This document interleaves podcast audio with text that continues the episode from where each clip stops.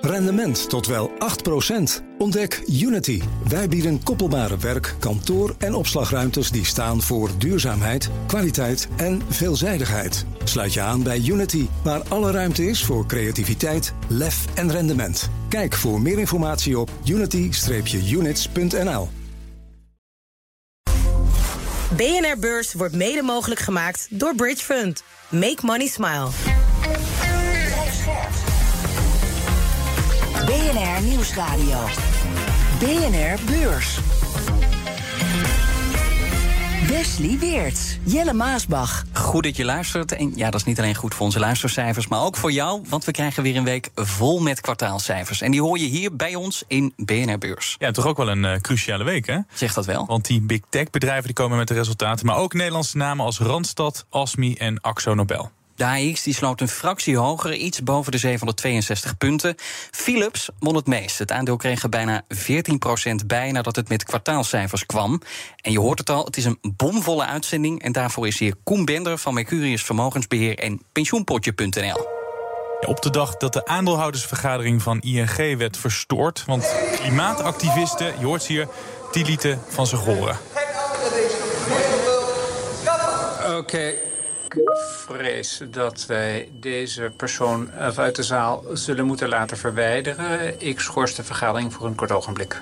Dat ging niet helemaal goed. Ze hebben ook op het nummer van The Line Sleeps Tonight... hebben ze lopen roepen daar. Oh, daar heb je geen fragmentje van? heb ik even vergeten. Dat is er wel, nou. maar uh, laten we niet te veel aandacht uh, besteden aan ING. Ik noemde net ook al uh, West die big tech bedrijven. Daar hebben we het zo meteen uitgebreider over.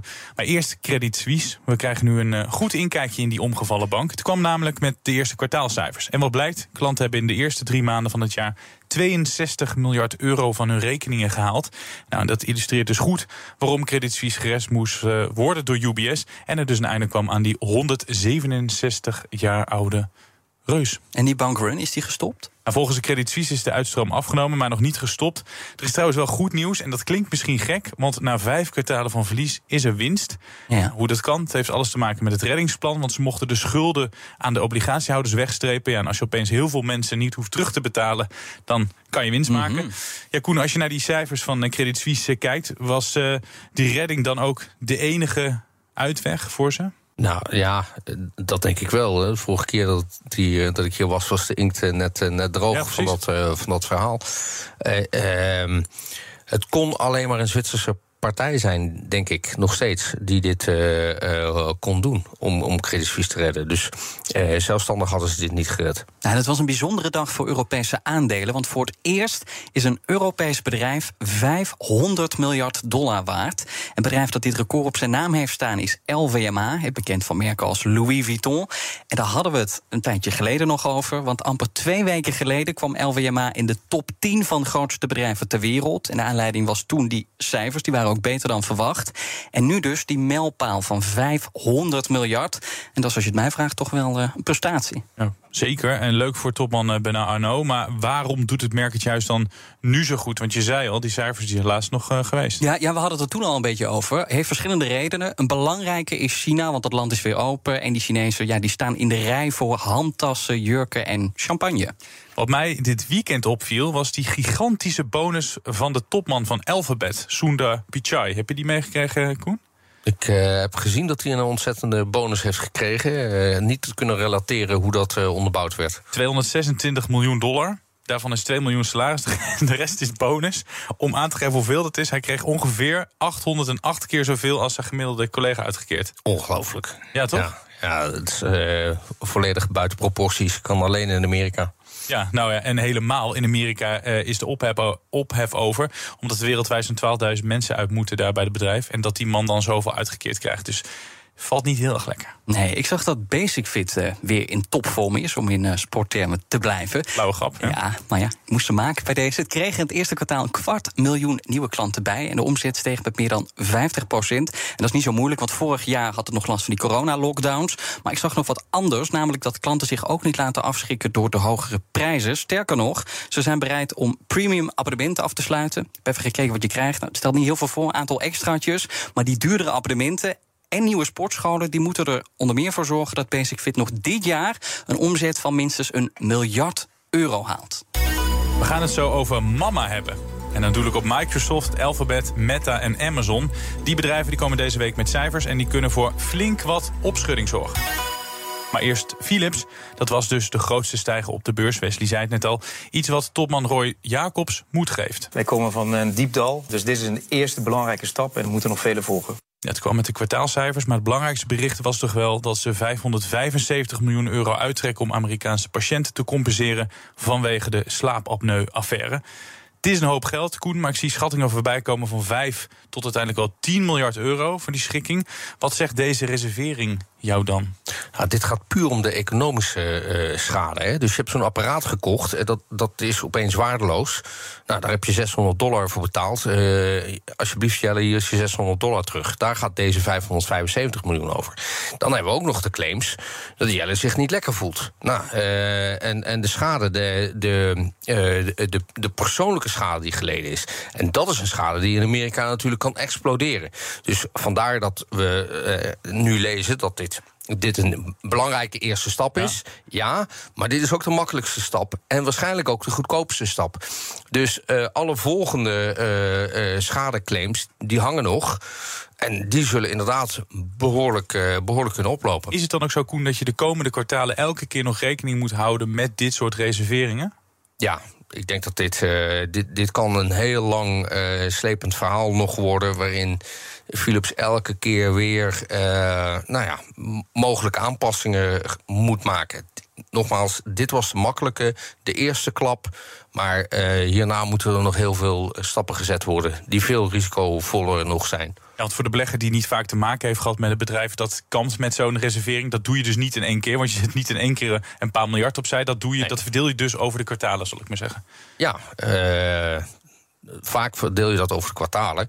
Eh, daar komt ook bij dat je nu misschien ook nog helemaal niet ook om juridische redenen nog niet de hoogte van de reservering uh, wil maken voor al die persoonlijke schade die geleden is. Kijk, je kan natuurlijk heel simpel rekensommetje maken. Er zijn zoveel apparaten die waardeloos zijn, maal die prijs. Dat is dat wat we moeten uitkeren. Dat hebben ze nu gedaan. Maar hierna gaat het om hoeveel dagen hebben die mensen niet kunnen werken? Wat is de persoonlijke schade? Zijn er inderdaad mensen overleden? Uh, en, en wat voor compensatie moet daar dan aan hangen? Ja, uh, de stappen die genomen moeten worden, is eerst uh, moet er beslist worden of ze ook daadwerkelijk uh, veroordeeld worden. En daarna, uh, wat moet dan de schade zijn? Ik zou het zelfs onverstandig vinden als ze nu zouden zeggen: wij denken dat dat zoveel moet zijn en dat zetten we alvast aan de kant. Want dan, ja, dat, nogmaals, dat lijkt me juridisch gewoon niet handig.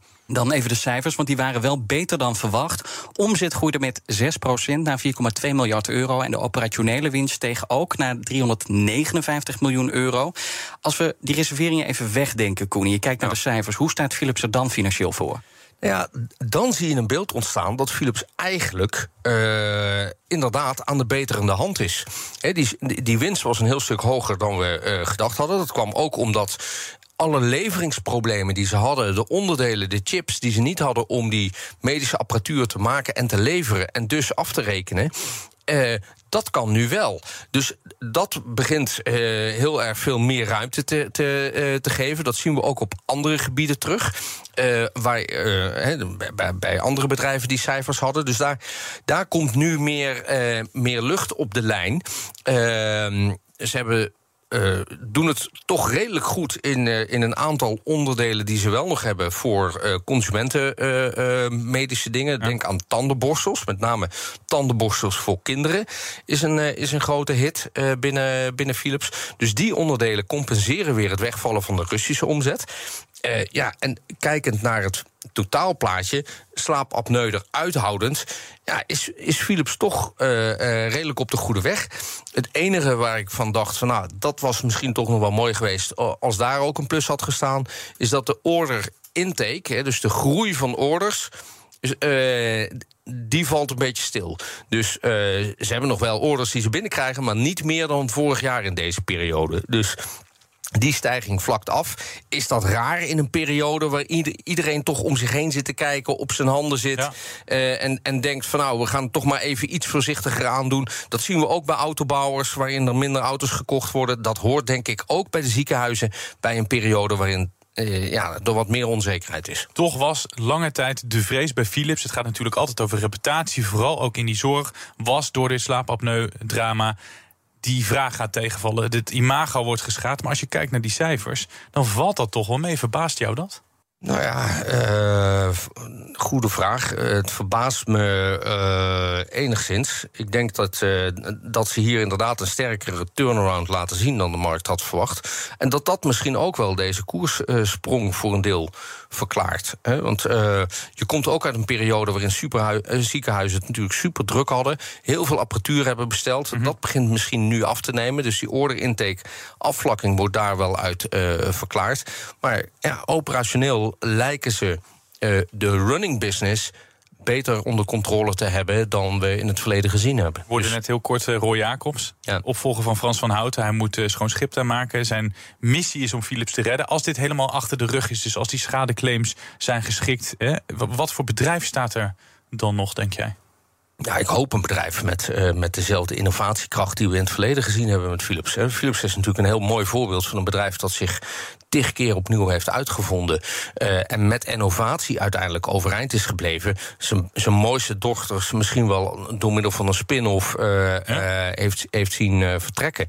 Maar ehm, per saldo steeds weer opnieuw ehm, zichzelf uitvindend. Maar eerlijkheid gebied te zeggen dat Jacobs toch ook nog wel een hele moeilijke periode voor zich heeft liggen. Met name omdat dat hele slaapapneu-verhaal zo lang heeft kunnen sudderen. En uh, verder heeft doorgewoekerd dan je eigenlijk had gewild. Je hebt het over innovatie. Die RD-tak van Philips is wereldberoemd. Er zijn heel veel mooie dingen uitgekomen. De ondernemingsraad komt nu in opstand. Onder meer omdat ze daar hard willen ingrijpen. Kan dat de boel nog overhoop schoppen? Uh, hoe bedoel je overhoop schoppen? Nou, dat de ondernemingsraad in opstand komt tegen de plannen van, van Jacobs. Die willen niet dat er zoveel mensen worden ontslagen, waaronder dus bij research and development. Nou, dat betekent dat er, dat er betere discussie moet plaatsvinden, ook met de ondernemingsraad, om ze mee te nemen en ze te, uh, uh, te overtuigen dat de keuzes die gemaakt worden uh, de juiste zijn. Maar blijkbaar is er een mismatch tussen wat de raad van bestuur ziet en wat de ondernemingsraad ziet. BNR Beurs. Wall Street dan. Dow Jones komt uh, nauwelijks van zijn plek onveranderd. De S&P 500 staat lager, 0,2 procent. En de Nasdaq staat 0,7 procent in de min. Aandeel dat opvalt, Coca-Cola, kwam met cijfers. Aandeel doet niet gek veel op de beurs op dit moment. Maar het verhoogde wel afgelopen kwartaal opnieuw de prijzen en dat werkt, want de omzet ging met 5% omhoog en steeg naar 11 miljard dollar. En wat opvallend is, normaal verhogen bedrijven de prijzen en verkopen ze minder producten. Maar bij Coca-Cola gingen de verkopen gewoon omhoog. Hoe kan dat, Koen? Ja, ik denk dat je. Uh, kijkend naar de cijfers, de hardste groei zit in zero. Hè, daar, maar ze groeien nog steeds ook in uh, uh, traditionele Coca-Cola, in de koffie, in het water. Um, ik denk dat dit een mix is. Uh, we zien een goede, goede groei in emerging markets. Uh, en uh, hier zie je heel duidelijk ook weer pricing power die terugkomt. En een consument die toch meer naar buiten gaat. Misschien dat dat uh, de marges ook beter zijn in de mix als je een drankje bestelt in een uh, pretpark bij Disney. Ja. dat je daar toch wat meer aan, aan, aan, aan verdient. Ehm, het sluit ook wel aan bij datgene wat we gezien hebben van LVMH, wat je net vertelde. sterke merken zijn toch in staat om ehm, de, de gestegen kosten, waar Coca-Cola nog steeds last van heeft, om die wel door te belasten. Maar hoe lang kan Coca-Cola dat nog doen om die omzet op peil te houden? Nou ja, uh, als ze ook daar weer de mix weet te veranderen en uh, ervoor te zorgen. Alleen met het traditionele cola-blikje zal het moeilijker worden. Maar ik denk dat als je gaat kijken hoe je uh, andere dranken naar voren kan brengen. Uh, de move into thee, into koffie, into allerlei andere dingen. Dat is toch nu. Ehm, een, een, een, mogelijkheid geweest voor Coca-Cola om verder uit te breiden. Want het is al een wereldwijd. Daar is niet zo ontzettend veel meer te halen. Het is meer in de productenmix waar ze het nu beter moeten gaan doen. En dat lukt ze. Wil een ander aandeel nog even tegen jullie aanhouden. Het aandeel Fox gaat fors onderuit. 4% ervan af. En dat allemaal vanwege het vertrek van Tucker Carlson, een presentator van Fox News. En dat is een onverwachts vertrek, zegt onze correspondent Jan Posma. Ze bedanken hem voor zijn diensten, maar ze geven vervolgens geen uitleg over waarom hij dan uh, weggaat of weg moet. Maar inderdaad wel dat zijn laatste uitzending al geweest is, dat dat afgelopen vrijdag was. En dat is wel een heel brusk, een heel plotseling einde. Ik weet niet wat er gebeurt als bijvoorbeeld Bas van Werven hè, bij BNR weg zou gaan en we zouden beursgenoteerd zijn, wat er dan met de koers gebeurt. Ja, als wij deze man, gaan. maar deze man is zo'n kijkcijferhit en er gaat nu dus honderden miljoenen dollars aan beurswaarde verloren, alleen maar doordat hij Tucker Carlson uh, vertrekt. Nou, BNR Beurs.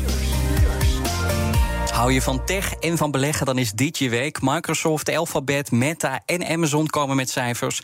En dit is ook een beetje het moment van de waarheid. Want mhm. aandeelhouders die hebben twee duidelijke eisen. Techbedrijven moeten meer op de centen letten en, als dat kan, winst laten zien. Denk je dat dat gelukt is, Koen? Die beleggers tevreden stellen? Ja, dat denk ik wel. Als je naar de, naar de verwachtingen gaat kijken voor de komende periode. Uh, Oké, het was 32% groei in het voorgaande kwartaal. Het wordt 29% groei bij, bij eh, Microsoft. Uh, maar niet alleen bij Microsoft. Amazon, ja, uh, 16% groei wat er verwacht wordt. Google, waar we het net al even over hadden. Uh, zelfs na het uitkeren van die gigantische bonus... nog steeds een hele, hele goede groei. Ook hoog in de twintigers. Maar ook een mooie dus winst. Ja, ze zijn hard aan het snijden, allemaal. Uh, across the line. Niet tot op het bot, want dit zijn aantallen uh, ontslagen die we nu nog zien. die niet uh, heel erg significant zijn. Niet, nee. Nou ja, als je 3% van je personeelsbestand laat staan, gaan tot, tot 5%, vind ik dat niet significant. Nee. Als je 40% van je personeelsbestand laat gaan, dat is significant. De rest is fine-tuning. Zorgen dat, dat het beter wordt. Je moet ook kijken in welk segment laat je ze dan gaan. Bij Amazon zijn dat de mensen die in de distributiecentra werken. Of zijn dat uh, mensen die uh, daadwerkelijk uh, hoog in de boom zitten. De, de, de tech-ontwikkelaars. Nou, daar zie je een mix, ook bij Meta, ontstaan daar zijn misschien nog wel de meeste ontslagen. Maar ook niet dat je zegt, uh, er, gaat, er gaat 20% uit. Had je dat dus, liever gewild dan? Dat er veel meer mensen uit zouden gaan, nee, zodat er ook meer winst gemaakt zou worden? Nee, want dan gaat het er echt om dat je moet overleven om nog winst te maken. Het staat helemaal niet ter discussie of deze bedrijven wel of niet winst maken de vraag is, laten ze hun winstgroei nog zien en in welk segment dan? En in de cloud zie je nog steeds een gigantische uh, uh, groei. Het aantal MKB-ondernemers dat nu bezig is om van servers naar, naar de cloud te gaan, naar, naar een, Microsoft. En dan hebben we het nog niet eens over artificial intelligence ChatGTP gehad. Mm -hmm. En daar heeft het graag over. Ja, wat voor een belangrijk deel natuurlijk ook de next big thing kan zijn in de winstontwikkeling die we gaan zien. en waarom? Laten we dat punt er dan uitpakken. Want hoe belangrijk is dat AI? Dat is dus wel een belangrijk punt waar je dus gewoon voorop moet, uh, moet lopen als techbedrijf. Ja, natuurlijk. En dat is, dat is de hele reason of existence van bedrijven als een Microsoft. Eh, laten we heel, uh, heel eerlijk zijn. Jelle, je hebt een goede band met je oma. Wat voor, wat voor baan heeft oma gehad? Oma heeft het, durf bijna niet te zeggen, maar oma die is, uh, heeft tot de 25e gewerkt en daarna is het Oké, okay, goed. Laten we, de loopbaan uh, van mijn oma. Laten we, laten we de, klok terugzetten naar de jaren 70. Ja? Toen werkten we met typemachines, met carbonpapier, met, met allerlei andere dingen. En uh, datgene wat er door de techwereld mogelijk is gemaakt, is dat we met steeds minder mensen steeds meer gaan doen. En daar is artificial intelligence of ChatGTP gewoon een logisch vervolg op. Er verdwijnen altijd weer opnieuw banen. Wie er komen nieuwe andere banen voorbij. Wie loopt er voorop in die techwereld op AI-gebied? Nou ja, kijk, uh, laten we zo zeggen. Microsoft heeft, uh, uh, heeft als eerste de stap op de maan gezet. Hè. Dit is vergelijkbaar met een ruimterace. ja. Nou, Microsoft loopt voor. Gaan ze winnen? Dat weet ik niet, want de rest komt er nu ook heel hard aan. Met een, eh, een Google met zijn eigen ontwikkelingen. Amazon is erover na aan denken. Alibaba heeft het een en ander staan. Uh, alleen, Microsoft heeft volume, zit in de office space...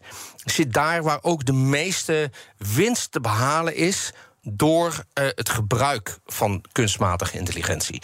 Waarbij je kan zeggen, we gebruiken gewoon het heel simpel om. Uh, jaarrekeningen, fraude op te sporen, Mhm. op eh, eh, allerlei andere gebieden. Eh, Ik heb al eens eerder gezegd, ja, je, je zal maar een middelmatig advocaat eh, eh, zijn. Ja, dat is te vervangen door eh, eh, een arbeidscontract. Kun je dadelijk laten opstellen door artificial intelligence. Dus er gaan weer heel veel banen verdwijnen. eh, of dus efficiënter zijn. Ja, die voordelen van AI zijn mij duidelijk. Daar ga jij op letten. Maar waar, waar ga je verder op letten? Echt in de, in de cijfers of in de outlook van die bedrijven?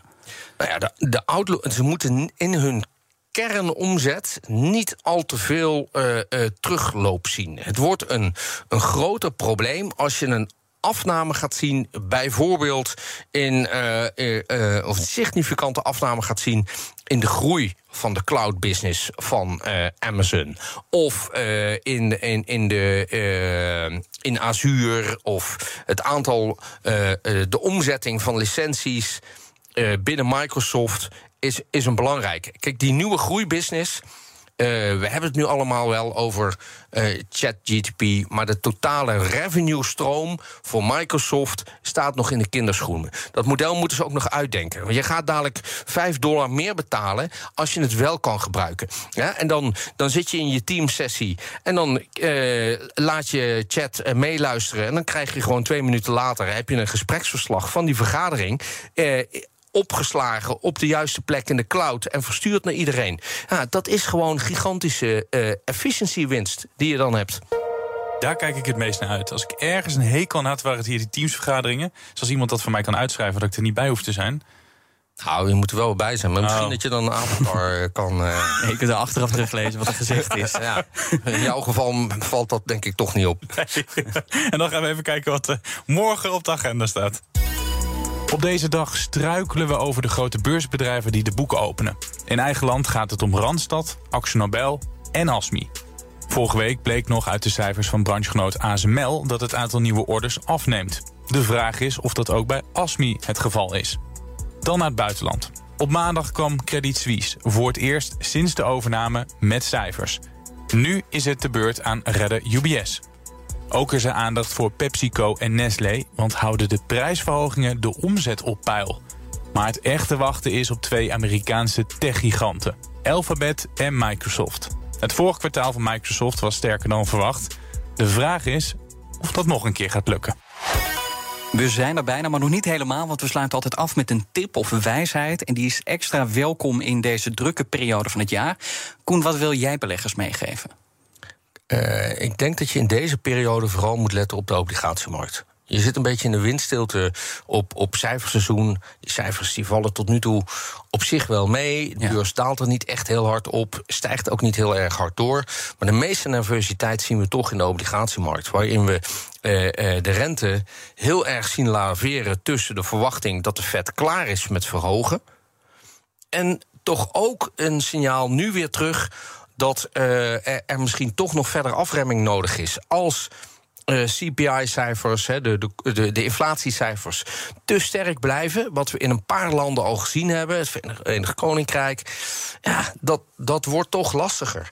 En eh, de dollar is weggezakt de afgelopen periode. Dat betekent dat de Amerikanen voor datgene wat ze importeren ook weer meer inflatie naar, en, en naar binnen toe gaan halen. Inflatie zou stickier kunnen zijn. En dat gaat zijn effect hebben in de obligatiemarkt. Nou, opletten dus. Dankjewel, Koen Bender van Mercurius Vermogensbeheer en pensioenpotje.nl.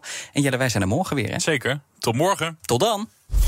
BNR Beurs wordt mede mogelijk gemaakt door Bridge Fund. Make money smile. Rendement tot wel 8%. Ontdek Unity. Wij bieden koppelbare werk, kantoor en opslagruimtes die staan voor duurzaamheid, kwaliteit en veelzijdigheid. Sluit je aan bij Unity, waar alle ruimte is voor creativiteit, lef en rendement. Kijk voor meer informatie op unity-units.nl.